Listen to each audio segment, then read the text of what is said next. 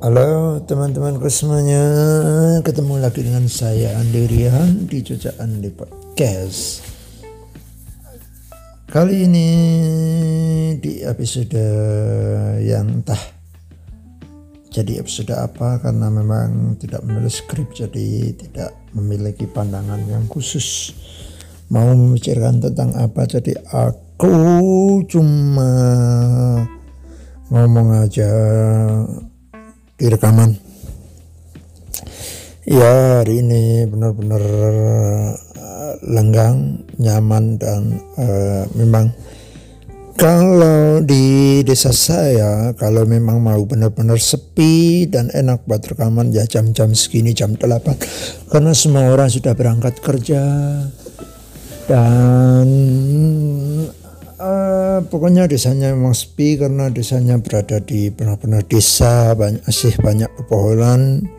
Udaranya masih sejuk dan mataharinya bersinar sangat cerah.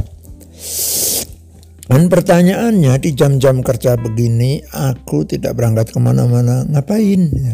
Ya, karena hari ini adalah tanggal 1 Muharram jadi ini adalah hari libur. Oh, seharian ini sepagi ini aku udah banyak baca, terutama baca uh, berita-berita di internet ya. Karena pagi ini kalau bau baca buku nanti kalau ketiduran gimana dong itu kan masih terlalu pagi. Jadi ini aku berbicara tentang banyak hal sebetulnya karena memang uh, ada banyak hal yang perlu diurai dari uh, kepala saya Cuman yang saya nggak tahu itu harus mengurai apa. Jadi belum ada topik yang benar-benar citu yang bisa buat uh, buat posting podcast kali ini. Jadi aku lagi cuman ngobrol aja, berbicara aja. Jadi aku ngalir aja ngomongin apa. Yang penting aku lagi uh, ngelatih ngelatih intonasi, ngelatih hmm, apa ya? Latih cara berbicara agar menjadi enak dan semakin jelas dan aku bisa ngomong dengan lebih baik. Karena keterampilan berbicara perlu dilatih juga karena keterampilan berbicara mungkin ada orang beranggapan itu adalah sudah dari sononya kalau orangnya yang sudah jelas dan ia memang sudah tatas dan fasih cara berbicaranya uh, tajam dan semua orang mengerti apa yang dikatakannya itu adalah sebuah skill yang udah dari sananya udah pakat dari Tuhan. Uh, aku percaya itu memang ada. Cuman aku percaya juga kalau itu bisa dilatih. Jadi karena akhir-akhir ini saya sangat bermasalah dengan uh, cara ngomong dan cara menjelaskan kepada orang lain.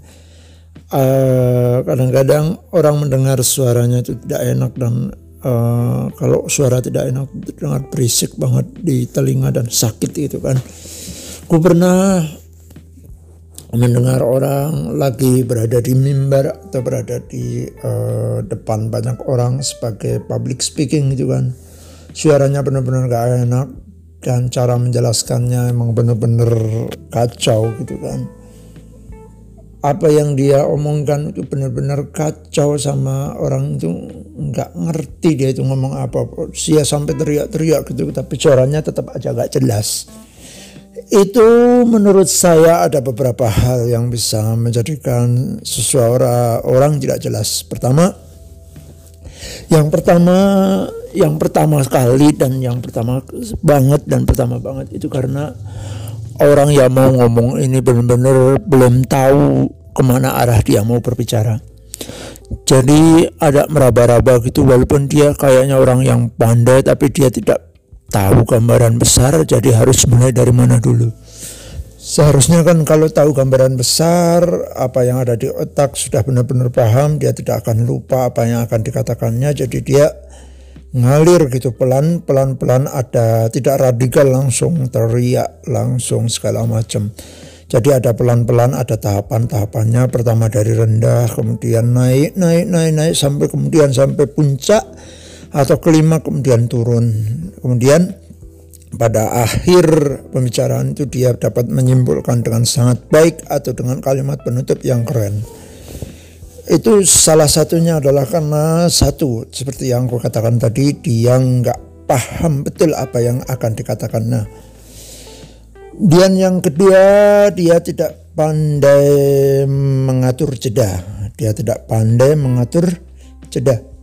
Karena dalam beberapa kalimat harus ada jeda, harus ada tap tahap yang uh, di mana dia harus berhenti, di mana dia harus uh, cepat atau dalam istilahnya bukan ceda ya tapi tempo ya. Dalam tempo itu dalam public speaking penting sekali menurutku untuk dapat mengatur tempo di mana dia harus lambat di mana dia harus menjelaskan dengan bernas atau di mana dia harus menurunkan uh, volumenya jadi dia hanya berbisik gitu kan. Tapi semua orang sudah telinganya udah sama berdiri, dia udah terpaut atau dia udah mereka para pendengarnya udah apa ya istilahnya tegak menyimak gitu, menyimak kelanjutan. Ya, tempo ini sangat penting untuk menyampaikan apa yang ada di dalam gagasannya. Biarnya selanjutnya yang ketiga adalah Menurut saya yang paling penting untuk dapat menyampaikan atau kegagalan orang kenapa mereka tidak bisa menyampaikan dengan baik adalah dia tidak menguasai seni untuk mengatur tinggi rendahnya nada. Jadi semuanya bablas saja dengan nada yang sama dengan suara yang sama. Jadi tidak enak didengar. Kemudian yang selanjutnya adalah kualitas isi apa yang akan dia sampaikan. Jadi kalau udah nggak enak, emang ya nggak enak. Gitu. Sebetulnya ada beberapa yang mungkin nanti saya akan gali lagi, gali lagi, gali lagi. Ada banyak hal yang perlu di istilahnya perlu dilatih. Skill berbicara di depan umum ini adalah salah satu skill yang apabila orang dapat menguasainya dia bisa dapat menyihir banyak orang. Jadi ini penting sekali untuk dapat dipelajari. Satu dari cara belajar untuk berbicara ngomong adalah seperti ya saya tidak tahu metode terbaik seperti apa saya mencoba banyak metode dan sekarang saya mencoba metode podcast yaitu saya mencoba untuk berbicara sendiri di uh, depan mic depan rekaman jadi saya membacakan suara saya sendiri memperdengarkan suara sendiri bagaimana saya berlatih ngomong uh, ada banyak hal yang perlu dilakukan atau yang bisa dilakukan seseorang agar dia bisa ngomong. Yang paling pertama tadi adalah dia harus menguasai wacana. Jadi dia banyak-banyakin membaca, banyak-banyakin isi di dalam kepala agar dapat menyampaikan banyak hal dengan wawasan yang luas. Jadi dia kalau wawasannya udah luas, dia akan menyampaikan banyak hal dengan enak. Tapi yang paling penting dari seseorang yang berwawasan luas adalah bijak cerdas. Kenapa? Karena kalau semua wawasan dimasukkan di situ akan sangat bertabrakan.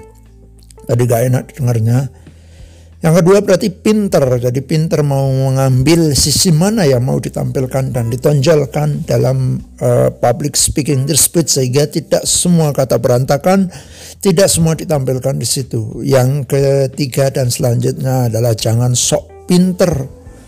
Jadi jangan sok pinter, kenapa? Karena pembaca itu banyak macam-macamnya. Ada yang benar-benar pembaca yang cerdas, ada yang benar-benar pembaca yang bego, ada yang benar-benar nggak tahu apa-apa, dan ada yang standar-standar aja.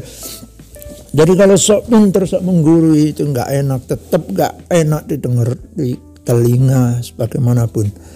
Apalagi memberitahu orangnya sudah tahu. Wah itu sama aja kayak dobos nggak enak asik. Dan yang paling parah adalah dia itu mengatakan sok tahu, sok pinter padahal dia nggak tahu. Jadi ada pendengar yang lebih tahu, itu bahaya. Jadi uh, ini benar-benar harus di apa istilahnya harus di benar-benar di uh, jajaki dengan secara saksama. Kemudian latihan-latihan yang bisa dilakukan agar kita bisa ngomong secara baik, agar ngomong baik di depan publik, agar kita bisa ngomong tidak hanya di depan publik tapi dengan ngomong dengan semua orang. Karena keterampilan berbicara itu sangat penting juga. Apa yang harus dilakukan seseorang gitu kan adalah menguasai mediumnya, ya, menguasai panggungnya, menguasai audiennya. Jadi untuk melatih seperti itu biasanya saya kalau saya pribadi ya. Saya pribadi yang sering saya lakukan adalah membaca nyaring atau metode membaca nyaring jadi membaca sebuah buku menceritakan kembali atau membaca sebuah buku dengan nada-nada tertentu. Jadi saya membacakan dengan nyaring yaitu agar pelafalan itu bisa menjadi jelas. Jadi seorang yang sudah biasa bercerita itu akan memiliki pengalaman-pengalaman bagaimana melafalkan dengan jelas.